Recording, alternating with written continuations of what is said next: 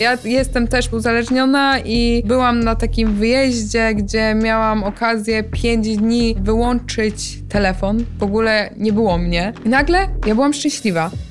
Cześć, z tej strony Kacper Majdan, a ty słuchasz mojego nowego podcastu. Moim kolejnym gościem jest modelka Gina Szymańska.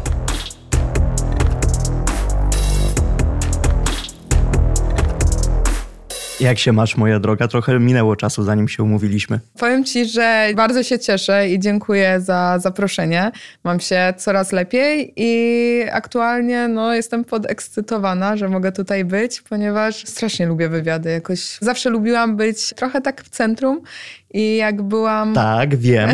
Mówisz, że lubisz wywiady, ale pamiętam, że jak rozmawialiśmy przez telefon przed naszą rozmową, to też się mnie zapytałaś, czy ty możesz zadawać pytania mi, więc to będzie bardziej rozmowa, a nie wywiad chyba. Mam tak, nadzieję. Tak, oczywiście. Ja bardzo jestem ciekawa ludzi i ich opinii również na różne tematy i no najbardziej jestem ciekawa na kontrowersyjne jakieś tematy, które no nie zawsze ludzie chcą odpowiadać. Nie chcą często odpowiadać. Ja też pamiętam, że po jednej rozmowie poruszyłem dość kontrowersyjny temat. Nie będę go tutaj e, znowu podbijał, ale doskonale pamiętam moje prywatne wiadomości na Instagramie, jak ja mogę być takim ignorantem, więc ja, więc ja też lubię chyba takie kontrowersyjne momenty. A kontrowersyjne to dla ciebie znaczy jakie? Kontrowersyjne to znaczy, że ktoś na przykład uważa ten temat za tabu, a dla mnie na przykład nie ma tematu, o którym bym nie mogła porozmawiać, bo nic co ludzkie nie jest mi obce, że tak powiem. I często na przykład spytasz kogoś, co sądzi na jakiś temat i, i ludzie nie mają swojego zdania. Ja uważam, że... Nie, mają zdanie, tylko no Boją takie... się go wyrazić? Czy z jednej strony tak, tłumią to zdanie, a z drugiej strony też mam wrażenie, że zdanie tych ludzi zmienia się razem równolegle z trendami chociażby na Instagramie. Podatność. Zauważyłam, Ogromna. że jest coraz większa.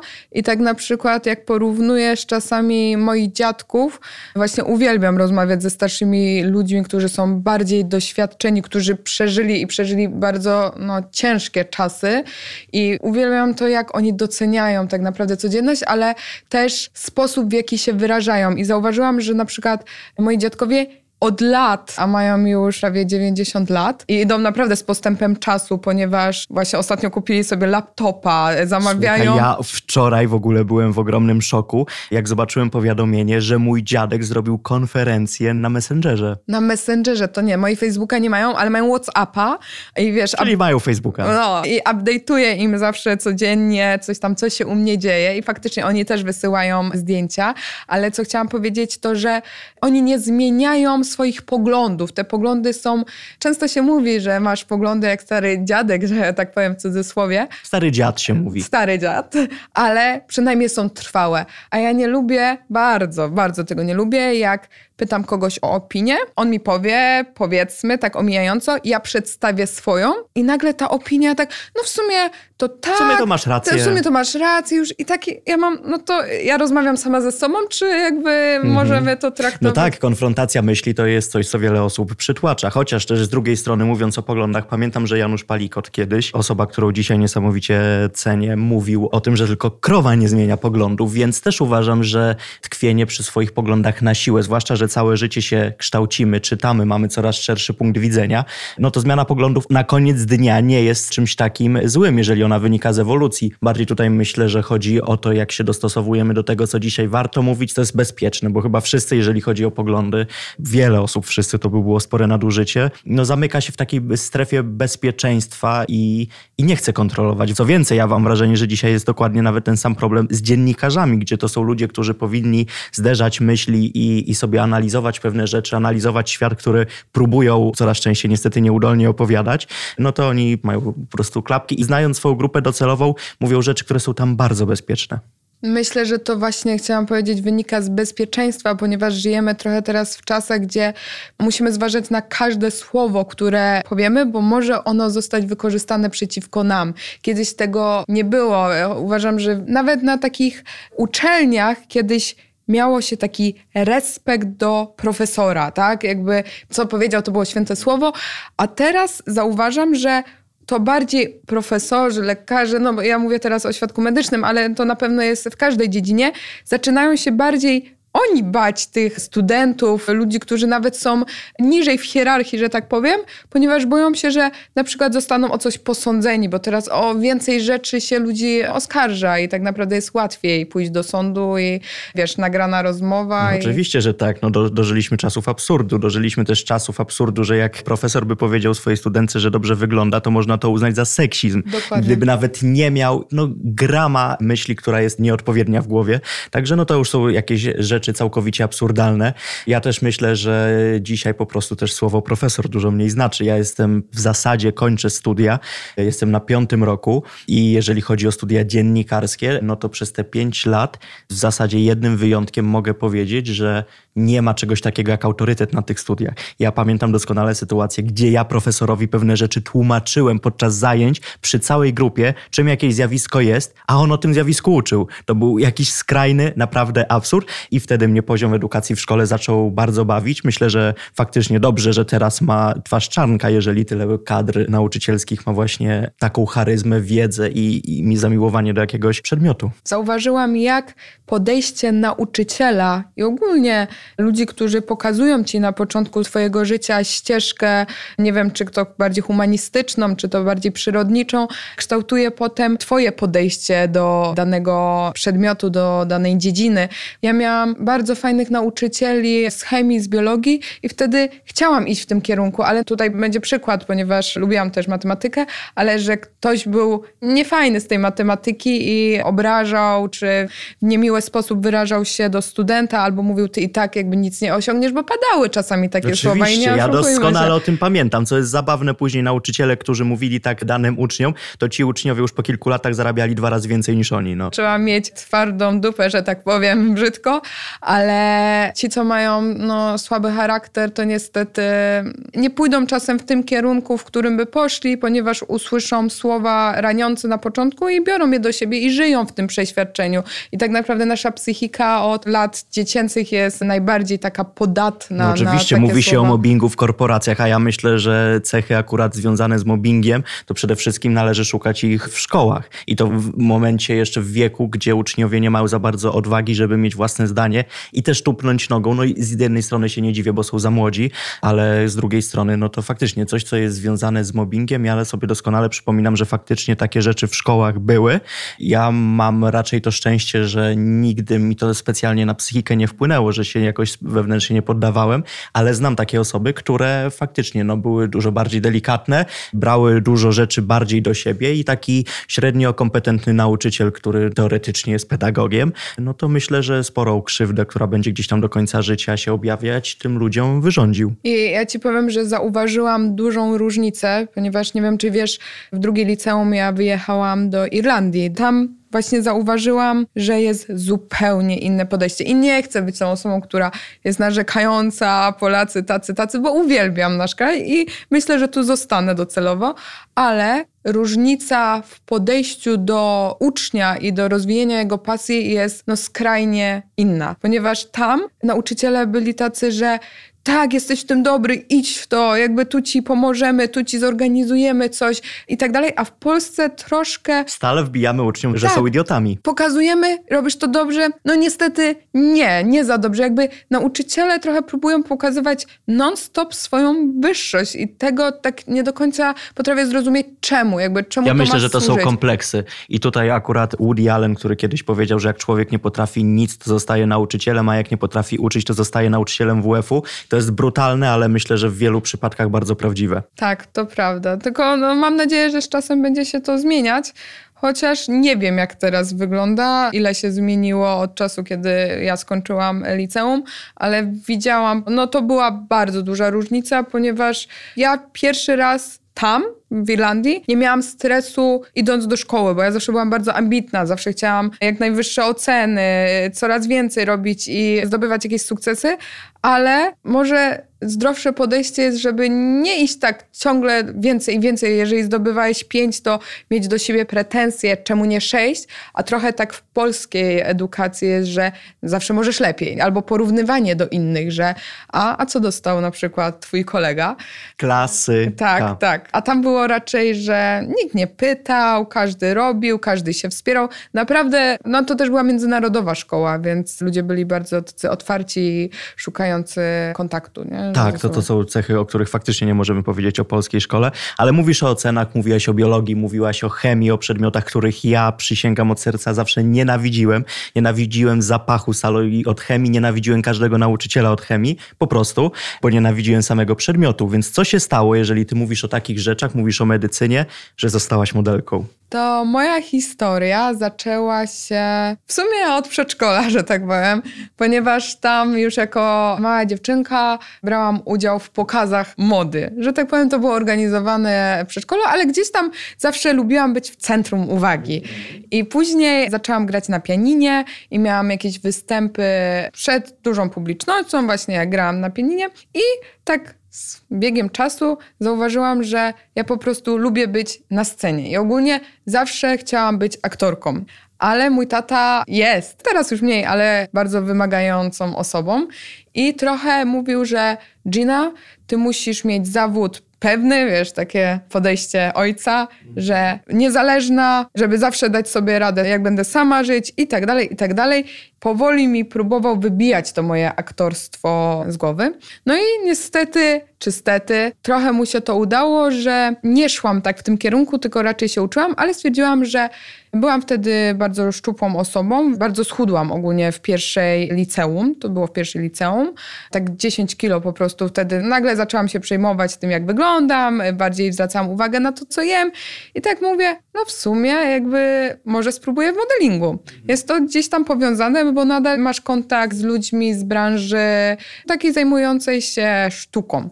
Czyli tak jak właśnie zawsze chciałam aktorstwo, no to modeling według mnie też jest sztuką. I... Tak, tak, chociaż sztuką, nad którą wiele osób stawia znak zapytania, no bo jednak nadal nie wiem, jak jest za granicą, no ale w Polsce nad modelkami wisi jakieś takie widmo, że to są osoby, które nie mają za bardzo nic do powiedzenia, które mają tylko wyglądać i nic więcej.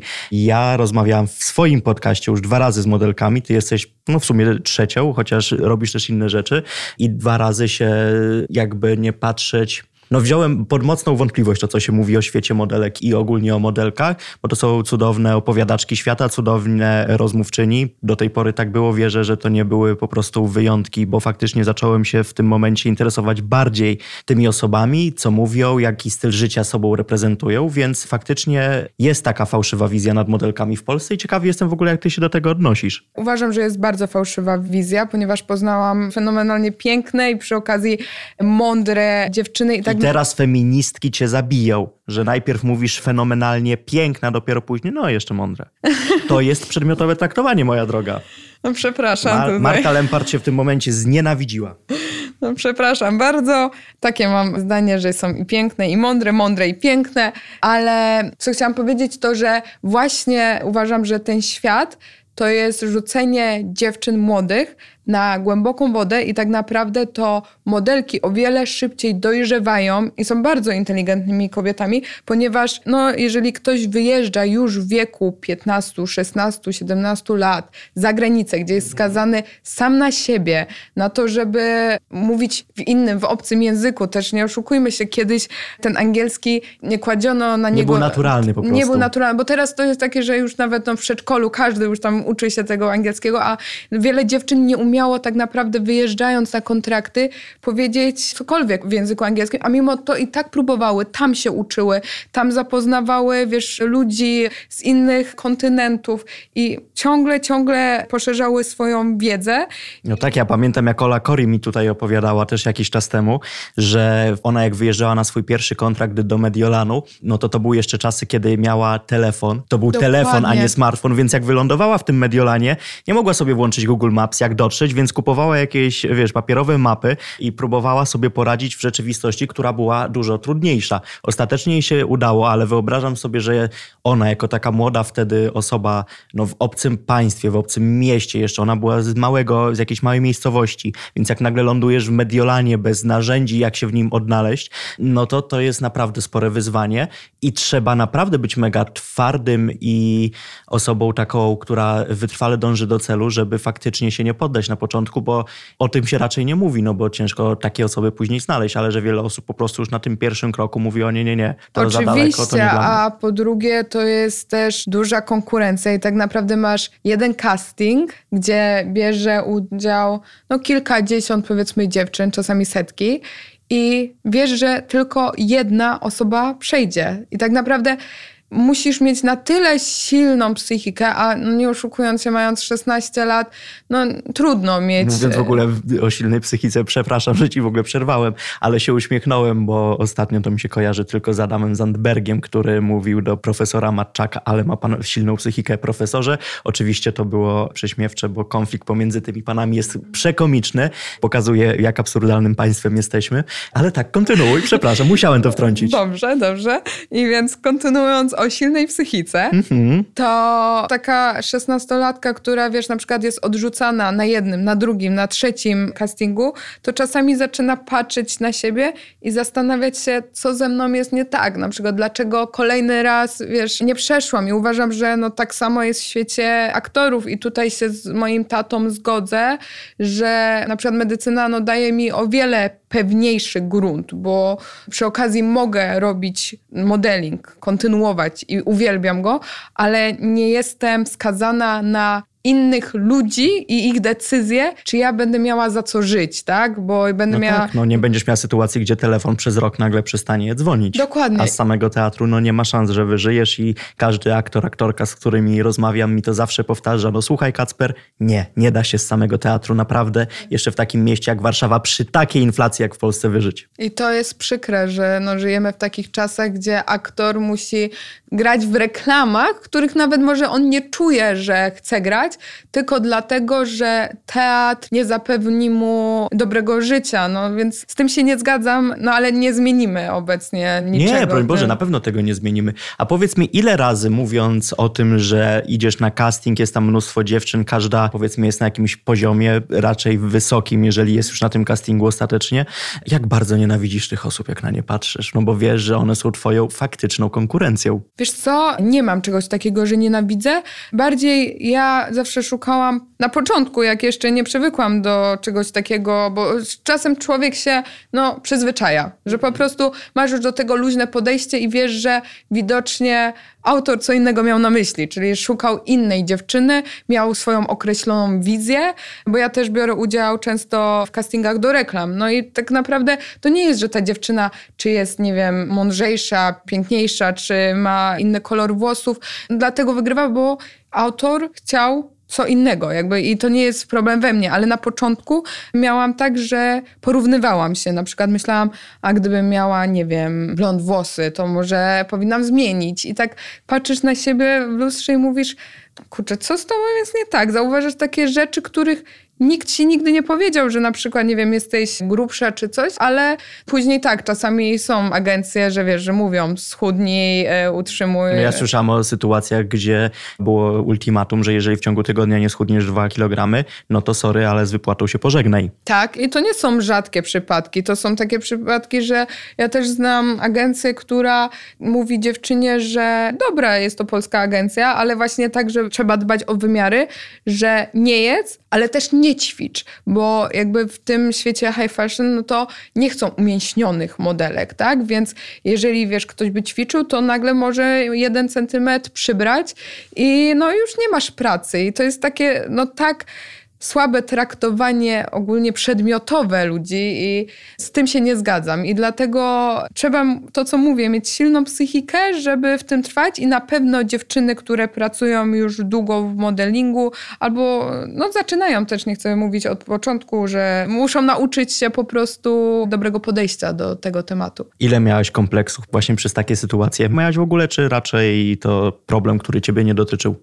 Nie, bo na przykład wiedziałam, że ja mam 1,73 m i nigdy, no nie wiem, mogłabym się wyciągać na jakichś drabinkach czy coś, żeby te 2 centymetry mieć więcej, no bo tak naprawdę w modelingu dziewczyny powinny mieć 1,75 m minimum. Mhm. No i nie miałam na przykład kompleksu, że jestem za niska, czy że za gruba. Raczej jeżeli widziałam, że na przykład przytyłam, no to niestety czy stety starałam się od razu schudnąć. Więc to jest ciągle, że nie miałam kompleksów, ale ciągle żyłam pod presją, tak? Że wiedziałam, że ja nie mogę po prostu popuścić w diecie, że nie ćwiczyć, bo ja akurat zawsze lubiłam ćwiczyć i... Jezu, tak jak oglądam twojego Instagrama, to ja mam kompleksy, bo Jezu, ja jak gdzieś się delikatnie szykuję do pracy i próbuję pokochać świat na nowo po obudzeniu, to ty już widzę, że masz 10 kilometrów przebiegnięte. To jest straszne i w sumie to jest to, że faktycznie Instagram ma zły wpływ na ludzi. Tak, ale w ogóle ja mam taki kontrast z Instagramem, bo z jednej strony kocham, z drugiej nienawidzę. A za co nienawidzisz? Nienawidzę właśnie za to, że to jest takie uzależnienie od rzeczy, jakichś social mediów, y, patrzenia na to, co kto robi, porównywania się mimowolnego. Nawet ktoś może powiedzieć, nie, ja się nie porównuję, mam gdzieś to, ale gdzieś to tam w głowie zostaje, że na przykład jest piątek, ty siedzisz sobie, nie wiem, w domu, jest ci źle, masz myśli, że nie chce ci się żyć, bo nie wiem, jakoś ostatnio coraz częściej mam takie depresyjne myśli, chociaż jestem bardzo pozytywną osobą, ale nie wiem, czy ta pogoda, czy pandemia tak powoduje, że czuję się, mimo że otoczona wieloma ludźmi, czuję się samotnie. I wiesz, i patrzę nagle na Instagram i tak patrzę, ci są razem, tutaj wyjście, tutaj jakaś para, tutaj coś tam. A ty tak siedzisz sam i mówisz, kurczę, wszyscy inni to są tacy szczęśliwi, gdzie wiesz, no ja zdaję sobie sprawę, to jest złudne i tak nie jest, ale gdzieś to tam zostaje. A drugie co, to ja to traktuję jako narzędzie pracy, tak?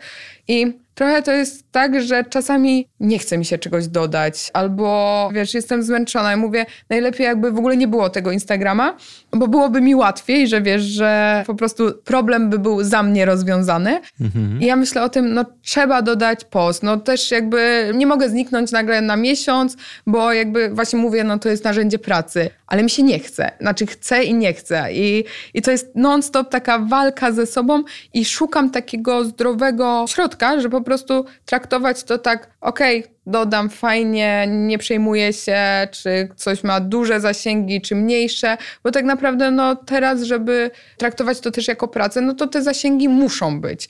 I też modeling poszedł w tę stronę, że pamiętam jak byłam w agencji, jeszcze tego nie było w Polsce, ale w Berlinie w agencji, to jak wypełniałam kwestionariusz, to było pytanie, ile mam obserwujących na Instagramie. Czyli już się liczyło to, czy jesteś znany, czy nieznany. No i to tak przeraża, bo jakby w pewnym momencie bardziej dążysz do tego, żeby cię więcej osób obserwowało, ale czy to są bardziej jakościowe, nie idziesz w jakość, tylko w ilość, rozumiesz o co chodzi? Doskonale że... cię rozumiem, no ale to wiesz, no czasy zasięgów i zaangażowania, no to to już jest dzisiaj, no i chleb powszedni, tak? No już od tego raczej nie odejdziemy, bo każdy się o to zabija. Dokładnie. I zabijał się przede wszystkim o to ludzie, którzy ostatecznie za to płacą. W ogóle jak powiedziałaś o tym przeglądaniu znajomych na, na Instagramie, że oni gdzieś są na mieście, ty jesteś w domu i tak dalej. Wczoraj miałem identyczną sytuację. Ja Bogu dzięki jestem już w takiej sytuacji, w takim położeniu, że tak przeglądałem tego Instagramu, myślałem, ja pierdolę, że im naprawdę się chce.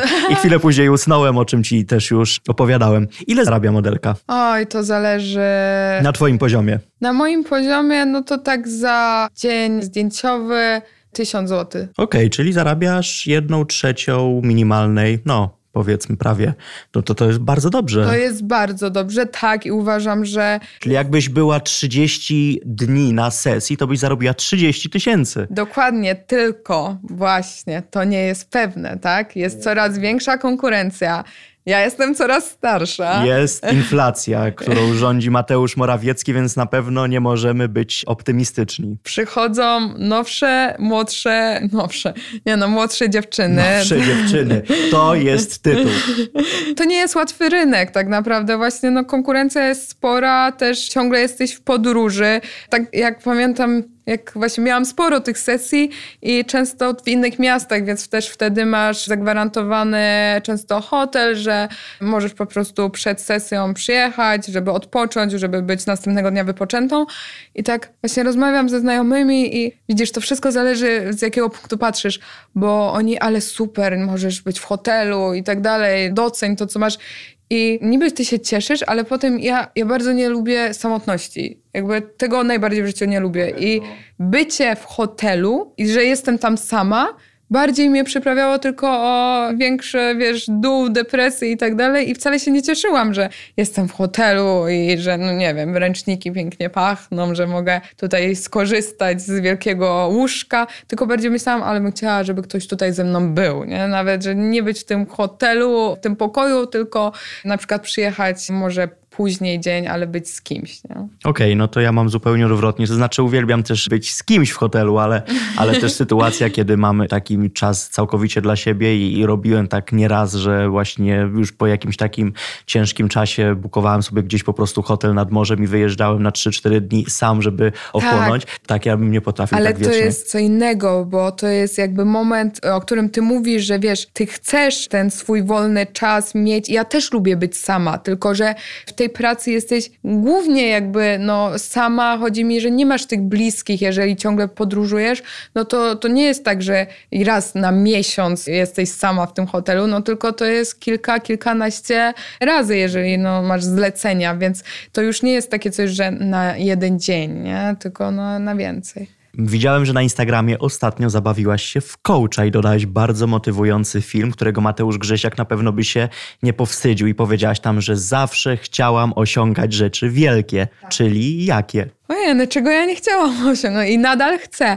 Chciałabym, no tak jak w tym filmie mówię, zrobić coś, żeby zostać zapamiętaną. Mhm. Że jak już mnie nie będzie, to ktoś tam kiedyś wspomni, no była ta Gina i ona zrobiła to, to, to. Czy mam jakiś konkretny cel? Nie. Mam dużo takich pojedynczych planów. Na przykład na pewno u mnie na pierwszym miejscu jest no, medycyna i w tym kierunku zawsze będę szła, ale nie zrezygnuję z modelingu. Będę też, jakby to też był, pamiętam kontrast, jak byłam na studiach i wróciłam, bo ja miałam chwilę przerwę w modelingu to no, czułam, że ludziom się to kłóci, że jak dziewczyna, która studiuje medycynę, musi, wiesz, codziennie być na zajęciach i tak dalej, to jeszcze potem ma czas jeździć na sesje i w sumie to po co i tak dalej. Jakby nie rozumieli, że to się dla mnie nie kłóci. Ja po prostu lubię to i to. A jak zdawałam do Poznania na studia medyczne, to też zdawałam do szkoły aktorskiej w Warszawie. Mhm. I gdzie się trudniej dostać? No właśnie, to jest śmieszne,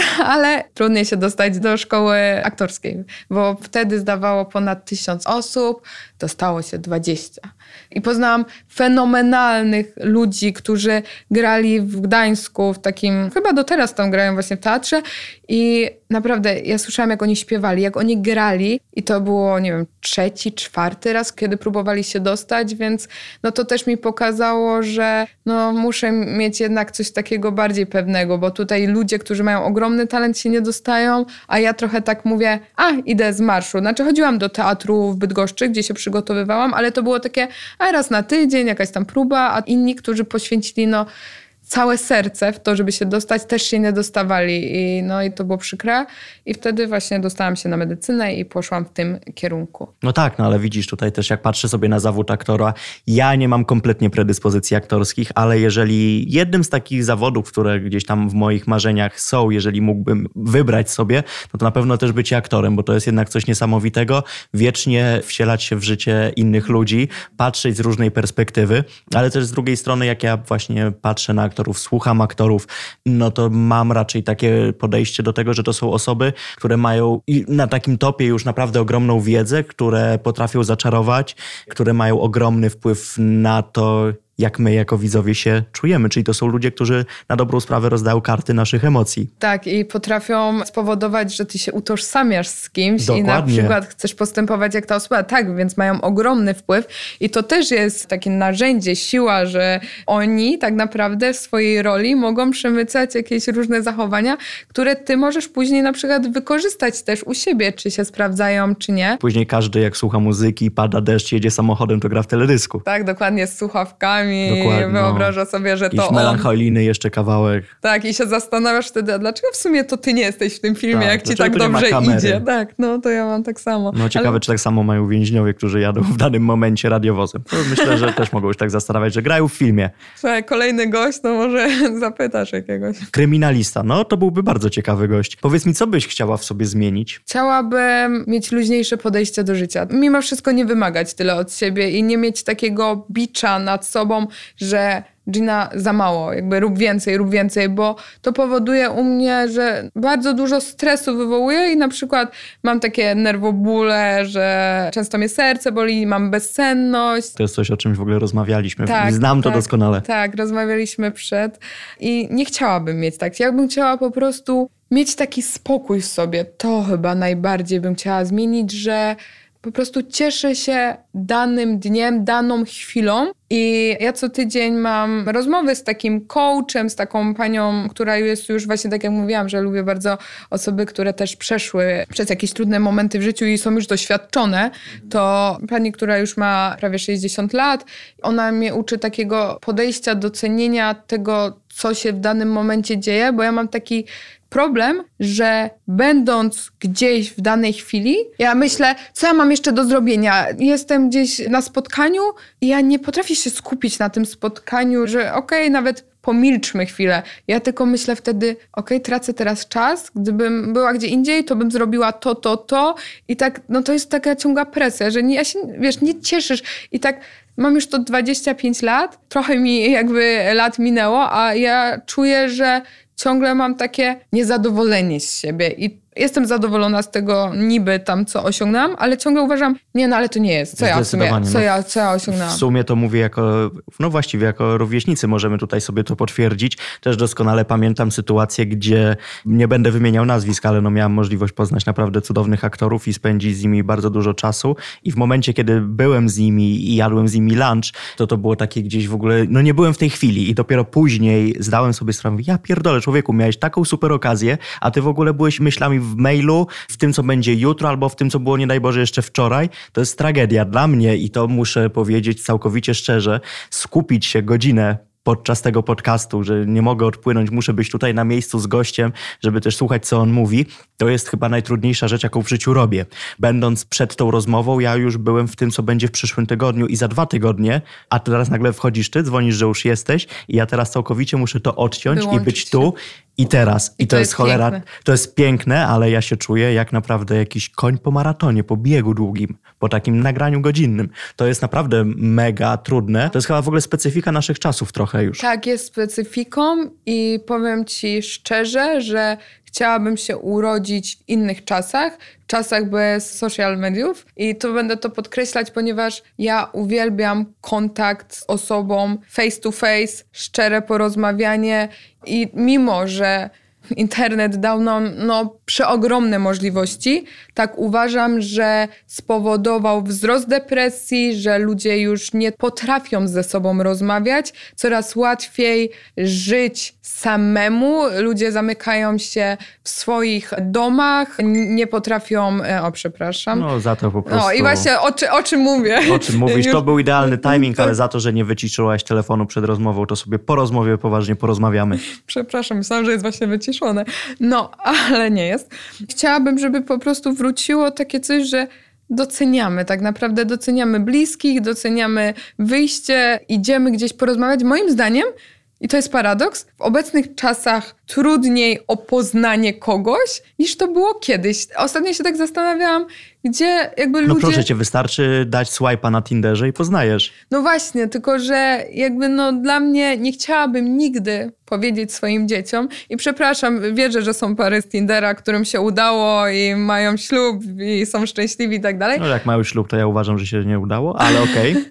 no nie chciałabym nigdy powiedzieć swoim dzieciom, że jak poznałam się z waszym tatą no, na Tinderze, jakby no nie. Była pandemia, jadłam pizzę w łóżku i tak myślę, a zainstaluję Tindera, no i tak wyszło, że jesteście. No właśnie i widzisz, jak rozmawiam z ludźmi, to pierwsze co, jak z kimś mówię, a gdzie kogoś poznać w dzisiejszych czasach, albo jak koleżanki mnie pytają, Gina, a jak myślisz, no, że już są długo same, to gdzie one mogą kogoś poznać? No i pierwsze co, to ja nie potrafię, nie mam wizji nawet, gdzie teraz ludzie chodzą. Tak, Kiedyś tak, żeby... można było to zrobić na uczelni, ale że uczelnie były ostatnio zamknięte, więc to Dokładnie. też miejsce nam zabrali, a po tej pandemii już przychodzimy na to uczelnię w zasadzie już w takiej sytuacji, gdzie już trochę po nas to spływa, po prostu musimy zrobić swoje i wrócić do swojego życia, więc na to też już nie ma za bardzo czasu.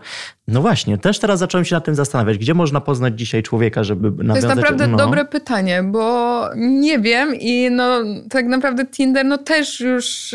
Ale to jest właśnie, odetnijmy to się od świata wirtualnego, bo oczywiście no, jest mnóstwo się. dyskusji, że no przecież możemy, są różne kluby i tak dalej, ale te wszystkie spotkania już dzisiaj odbywały się na Zoomie. W każdym razie faktycznie nie mam zielonego pojęcia, gdzie taką osobę dzisiaj można poznać. No. W kościele? No właśnie, ale... Ale kto chodzi do kościoła? Ale kto chodzi do kościoła teraz? Coraz mniej ludzi chodzi do kościoła. I tak naprawdę jeszcze o tym Instagramie właśnie, cofając się do tego tematu, dlaczego to jest dla mnie kontrast, no to ludzie się spotykają, tak? Nawet już gdzieś wyjdą, no i każdy siedzi na przykład na, to jest już takie uzależnienie, wiesz, na Instagramie, a tutaj dodadzą, co trenują, a tutaj dodadzą, co jedzą. I tak naprawdę, no widzisz, ja też to robię. Jakby, no ty widzisz na przykład, że ja już przebiegłam te 10 kilometrów, bo to dodałam. Tak, podcinam drugą żyłę już, jak widzę, że przebiegłaś, a ja nadal jestem w łóżku. Ale gdybym tego nie dodała, to byś nie podcinał. No ale mam dużo myśli na raz i próbuję je usystematyzować. Też widzę, że czasami zaczynamy, na przykład mówiliśmy o moim filmiku motywacyjnym, a teraz jesteśmy w ogóle zupełnie innym. A teraz ja kończę na podcinaniu żył. No, no po prostu czekam znowu na te wiadomości. Kolejny raz ignorujesz poważny problem społeczeństwa. Nie ignoruję, ale, uciekam, uciekam. ale zadaję pytanie. No. I że siedzimy razem i każdy jest na telefonie i to jest taki przykry widok, jak na przykład byłam gdzieś tam z mamą i no ja mam to takie ustalenie z rodzicami, że na wspólnych obiadach czy posiedzeniach no nikt nie siedzi na telefonie.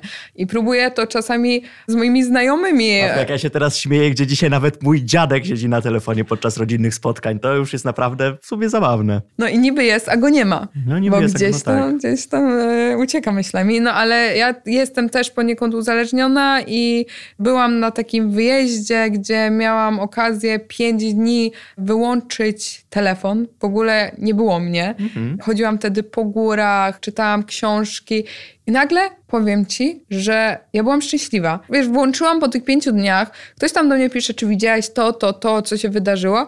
A ja tak mówię, nie, nie widziałam, ale czy to się zmieniło w moim życiu, że ja jakby mnie nie było? To jest zasadnicze pytanie, chociaż ja co weekend, przysięgam, co weekend sobie planuję, że w piątek wyłączam telefon, włączam go w poniedziałek rano i nigdy mi się nie udaje. Zaczynam to robić i po 4-5 godzinach już mam wrażenie, że o atak paniki jakiejś się ocieram. A wiesz, też tak mam? Ja mam właśnie, to jest to, co ci mówię, że ja ciągle chcę więcej osiągnąć, więcej, więcej i ja myślę na przykład a co jak stracę przez to jakąś szansę, że ktoś tak, na przykład dokładnie. odezwie się do mnie w sobotę, a ja, bo sobie wymyśliłam, że no od piątku do niedzieli nie włączam telefonu, żeby odpocząć i to jest umiejętność moim zdaniem w pewnym momencie życia powiedzenia okej, okay, widocznie to nie było dla ciebie. I ja się tego uczę, że na przykład od piątku do niedzieli wyłączyłam telefon i okej, okay, na przykład w sobotę odezwał się ktoś i mogła być życiowa szansa, ale widocznie nie była mi pisana, bo jakby ja no, wyłączyłam i chciałam odpocząć i nie mieć do siebie pretensji. A znając siebie, bo jeszcze nie umiem tak żyć właśnie, żeby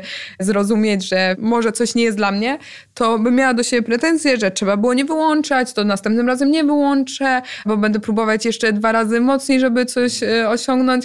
No i to jest ten ciągły kontrast w moim podejściu do, do tych rzeczy. Dlatego naszym słuchaczom mówię teraz wyłączcie telefony, ale możecie zrobić to dopiero teraz, bo teraz kończymy. Dziękuję Ci bardzo. Dziękuję bardzo. Dziękuję, że słuchasz mojego podcastu. Nie zapomnij mnie zasubskrybować na każdej platformie podcastowej i ocenić w Apple Podcast. Jeżeli chcesz napisać, co Ci się podobało, daj znać w Q&A na Spotify. Kacper Majdan